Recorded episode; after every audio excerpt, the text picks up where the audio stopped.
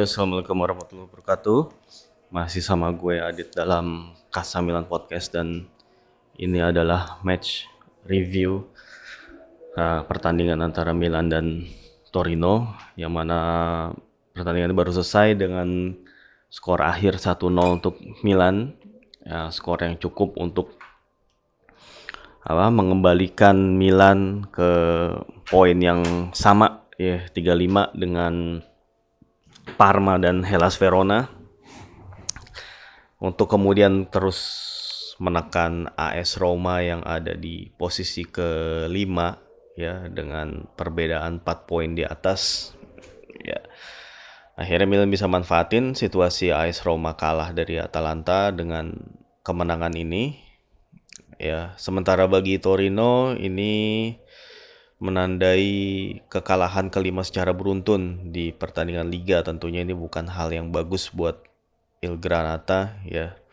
They've done everything they've done enough tapi emang ya tentunya Milan lebih superior secara keseluruhan gitu ya. Uh, buat Torino sendiri juga perlu waspada karena mereka sekarang ya tadinya mereka tuh cukup uh, berjarak sempit aja dengan zona Eropa gitu. Sebulan yang lalu aja. Tapi ya karena lima kekalahan beruntun ini tentunya uh, mereka banyak banget drop point dan akhirnya mereka justru lebih lebih mendekat ke zona degradasi ya. Cuman kalau nggak salah cuman 5 poin apa dari zona degradasi gitu.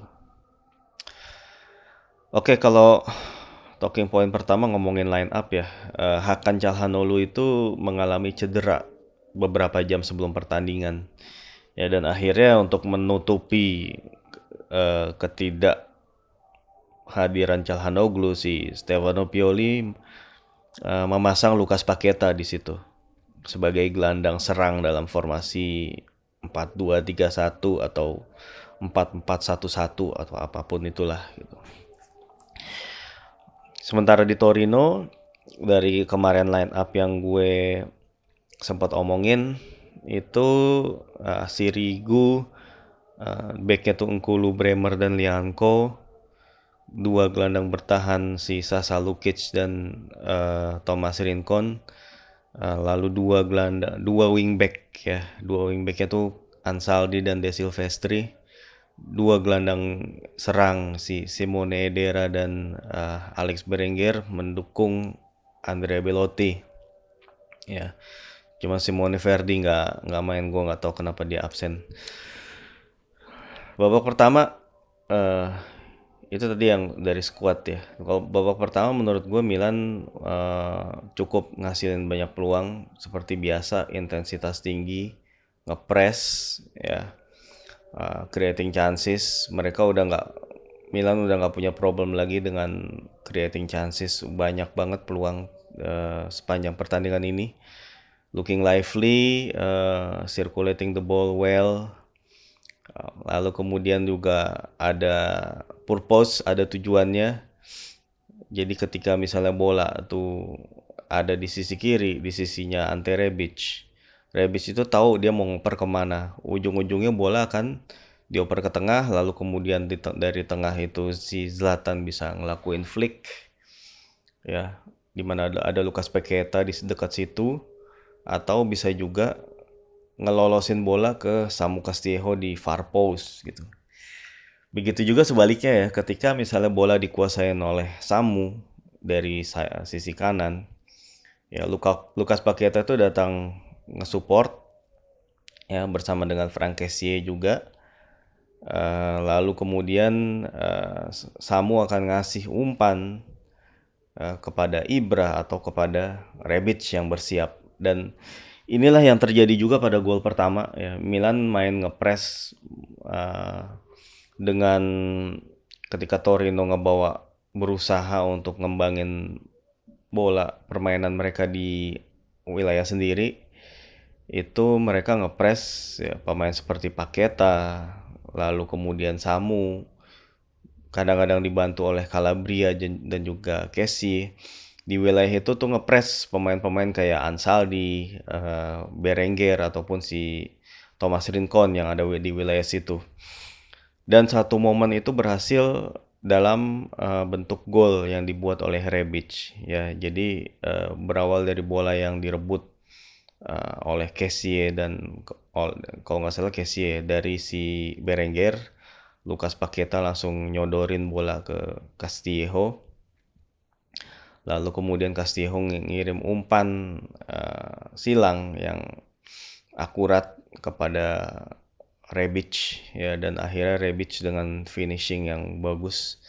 Emang dia lagi on fire dia bikin Milan leading 1-0 uh, ini gol ke-6 Rebic ya sepanjang tahun 2020 dan sekarang akhirnya dia jadi top skor Milan bersama Theo Hernandez gitu Hmm, selanjutnya setelah gol itu sebenarnya Milan punya beberapa peluang lagi ya di babak pertama ada Ibra, ada Lukas Paketa gitu.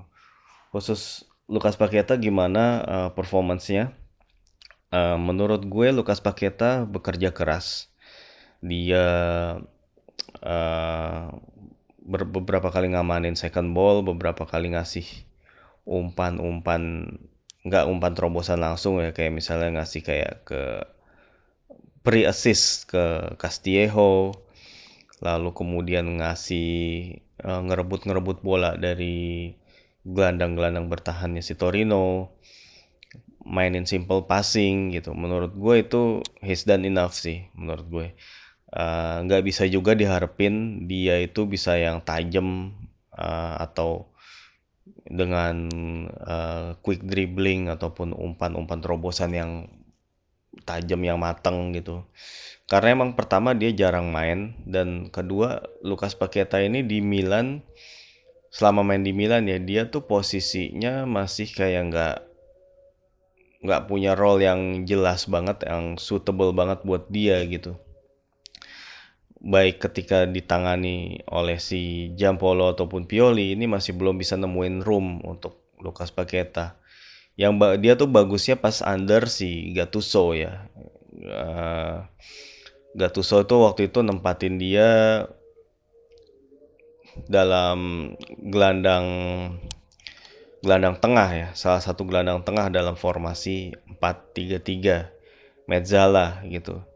Jadi pada saat itu ya Lukas Paqueta sama Kessie gitu ya sama Lukas Bilia itu emang atau Bakayoko. Jadi ya apa namanya uh, dengan Bakayoko dan Casey yang bekerja keras uh, Paketa ini kayak dapat space gitu di situ. Nah sekarang uh, approach-nya Pioli itu rada beda ya dengan di tengah tuh ngandelin double pivot Casey dan Benacer. Uh, Lukas Paketa tuh jadi mainnya kadang-kadang kayak ninggalin jarak gitu. Ini juga kelihatan pas babak kedua ya babak kedua lu pas stamina dia udah mulai kendor juga itu kayak banyak banget tuh ninggalin space tuh Paketa antara Benacer Kessie sama dia itu jaraknya jauh. Sehingga akhirnya itu bikin Torino ngambil inisiatif. Sempat ngambil inisiatif pas uh, awal-awal atau menit-menit ke 60-an lah 60 sampai 70-an sampai 75 lah 15 menit gitu. Torino itu ngambil alih permainan setelah ya Milan itu banyak banget ninggalin space kosong di wilayahnya si ya yang tadi gue bilang antara si Paketa dan si Casey sama Benacer gitu. Jadi Paketa tuh ke depan terlalu terisolir dia pengen ya maksudnya dia nggak bisa ngeling up lagi antara lini tengah ke depan gitu. Karena emang dia juga selain mungkin karena uh, stamina juga ya ataupun juga emang kayak dia udah jarang main sehingga feelingnya terhadap game itu jadi agak berkurang dia juga suka dipres oleh si either itu si Rincon atau si Sasa Lukic. Dan keberadaan dua pemain ini emang vital banget buat Torino ya. Mereka ngalirin bola mereka ngerebut bola gitu. Dan uh, trio backnya Torino juga menurut gue cukup agresif cukup bermain bagus aktif banget ngamanin uh, lini pertahanan mereka. Dan kemudian uh, mereka tuh uh, nyerang dari sayap ya, kebanyakan Torino, terutama dari wilayah kanan pertahanan Milan. Jadi mereka ngeliat tuh si Matteo Gabbia itu sebagai weak spot. Jadinya akhirnya bola diarahin ke, ke situ, Gabbia sama Calabria. Ya. Jadi pemain-pemain kayak Ansaldi, kayak si Simone Edera, Beleng, atau bahkan Belotti kadang-kadang tuh nge-support di situ gitu. Cuman ya emang ya uh, bagusnya Milan juga bisa bertahan dengan kolektif ya. Jadi Gabbia dan Calabria itu sering dibantu sama Castillejo dan Kessie gitu di situ. Bahkan kadang-kadang Benasir juga nggak ikut bantu ngamanin dan ketika misalnya bola diarahin ke tengah ke wilayah kotak penalti di situ udah ada Romagnoli, eh, Theo Hernandez juga lumayan disiplin. Lalu kemudian Ante Rebic juga kadang-kadang turun agak jauh situ yang mana itu membuat serangan serangan Torino itu juga jadi nggak tajam karena Belotti itu jadi kayak lebih nyupport teman-temannya di tengah. Sehingga ketika dia pengen ngumpan apa nyari temen di wilayah kotak penalti itu nggak ada nggak ada orang di situ. Dan Romagnoli dengan mudahnya bisa menangin duel-duel. Nah si Moreno Longo pelatih Torino itu sebenarnya ngerespon dengan masukin Simone Zaza pemain yang tentunya punya physical presence punya experience untuk uh, main di Serie A ya punya postur yang bagus untuk bisa menangin duel-duel di udara untuk nekan si Romagnoli gitu. Artinya uh, yang tadinya main 3-4-2-1 akhirnya sekarang jadi 3-5-2. Ya, 3-4-1, 3-4-1-2 dengan Zaza uh, di depan dengan Belotti. Tapi uh, Milan bisa ngatasin itu dengan yaitu Romagnoli bisa tampil solid di situ, menangin duel-duel lawan Zaza ya. Dan itu jadi salah satu kunci kemenangan Milan juga di mana walaupun Torino udah nambah pemain untuk nekan Milan di kotak penalti, itu bola ter terus bisa diamanin dan relatif tadi itu Roma apa sih kiper Gigio Donnarumma itu nggak nggak ngelakuin penyelamatan penyelamatan penting gitu. Nggak terlalu banyak ditekan nggak Torino itu juga kayak kehilangan ketajaman mereka gitu dalam uh, ngebangun serangan. Mereka tuh cuman kayak ngandelin uh, wing sisi sisi kiri doang dari Ansaldi untuk ngirim umpan silang atau kemudian ngasih ke apa si Berenger atau Edera untuk kayak uh, drifting ke wilayah uh, kanannya Milan untuk kemudian ngirim-ngirim crossing juga atau berharap corner kick, set piece gitu. Yang mana pas set piece tadi juga Milan defending well dalam set piece kayak menangin banyak duel di udara, pemain kayak Kessie ngebantu uh, Romagnoli terutama uh, dan juga pemain-pemain uh, Matteo Gabbia juga nggak nggak main jelek dia dia lumayan tampil bagus lumayan tenang mainnya walaupun secara uh, fisik ya. Dia uh, secara postur nggak seoke Simon Kjaer tapi dia bisa menangin duel dia punya determinasi menurut gue punya teknik yang nggak jelek lah gitu. Gue rasa kalau dia uh, dapat kesempatan terus dipasang ini karena dia Kjaer cedera aja tadi ya dia dimainin menurut gue Gabia tentu punya potensi dan ini adalah salah satu game yang sangat-sangat berharga buat dia karena dia uh, dapat pengalaman ngejagain uh, Andrea Belotti yang mana salah satu striker terbaik di Serie A gitu. Walaupun ya performa Belotti yang nggak seganas kayak sebelumnya dan nggak seganas kayak di pertemuan pertama deh waktu dia bikin dua gol gitu. Tapi paling nggak uh, Gabia ini nunjukin beberapa kali menang duel. Ya walaupun dia juga sesekali bikin uh, sekali bikin foul dan dia kena kartu kuning tapi paling enggak dia cukup tampil solid lah. Well done lah buat Gabia gitu. Dan kemudian setelah Torino itu uh, agak megang kendali selama 15 menit mereka gagal. Ya Milan kembali ngambil alih ya, ngambil alih inisiatif. Cuman emang sayangnya finishing finishingnya kurang oke okay, gitu. Banyak banget Milan tuh dapat clear cut chance di babak di awal babak kedua itu ada dua lewat uh, Ibra dan juga Samu Castillejo. Dua-duanya dapat peluang bersih ya. Ibaratnya tinggal eksekusi cuman gagal Ibra ting Ibra nyamping ke tiang jauh, uh, Samu nyamping ke tiang dekat. Yang mana tuh harusnya kalau mereka uh, striking bolanya tuh lebih bagus, lebih pas itu bisa jadi gol dan itu bisa mengakhiri perlawanan Torino lebih awal gitu. Dan kemudian pas lagi Torino tadi kehilangan uh, kendali itu juga karena si Pioli masukin Bonaventura untuk kayak nambah tenaga. Dia gantiin Lucas Paqueta yang udah yang tadi udah nggak efektif mainnya Eh, dan akhirnya Bonaventura cukup mampu untuk menambal uh, gap di situ. Cukup dia bisa carrying the ball forward lalu dia juga bisa uh, manfaatin peluang-peluang. Dia punya ketajaman juga. Satu peluang dia dapat setelah dapat uh, umpan dari Rebic. Cuman sayang aja tendangannya di block dan masih miss ya. Dan kemudian Milan ngedapetin peluang-peluang uh, peluang -peluang lagi ya. Uh, cuman sayangnya emang nggak bisa dimanfaatin bahkan sampai menit-menit akhir dapat peluang lewat Samu Castillejo tapi tendangannya masih terlalu tinggi. Gitu. Dan Milan juga kembali gagal manfaatin peluang dari set piece. Di situ Torino bertahannya disiplin banget. Uh, Engkulu tuh jadi komandannya bisa menangin duel-duel duel udara lah ataupun kayak uh, ngamanin uh, crossing-crossing Milan. Uh, termasuk juga ngeblok ngeblokin tendangan-tendangan dari yang dilepasin pemain-pemain Milan dari luar kotak gitu. Menurut gue Torino bertahan cukup baik, cuman memang mereka ketika nyerang gitu itu monoton ngarahin bolanya cuman ke wingback berharap ngasih umpan uh, silang yang bagus ke dua penyerang tapi emang itu ya nggak berha nggak berhasil dengan baik aja. Mereka juga nggak punya pemain gelandang yang emang bisa carrying bola ke depan ataupun ngasih-ngasih peluang. Uh, selain Alex Berenguer ya. Berenguer tuh cukup melakukan tugasnya dengan baik tapi emang dia lacking aja dalam ngasih final ball ke Belotti atau Zaza gitu.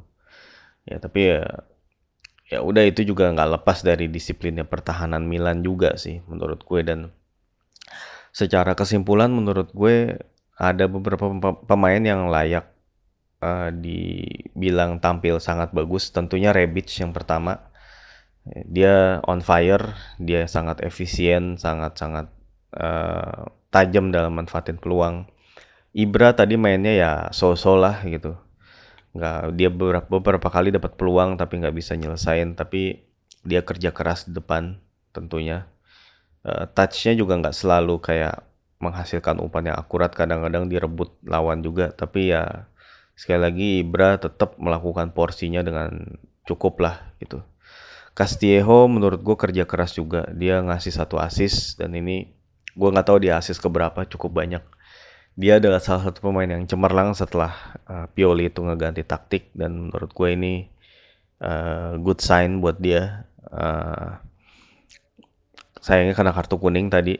Ya ini malah kayak jadi memperbesar peluangnya untuk absen gitu.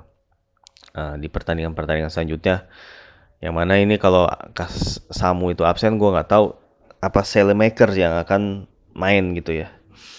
Nah, ini belum teruji gitu.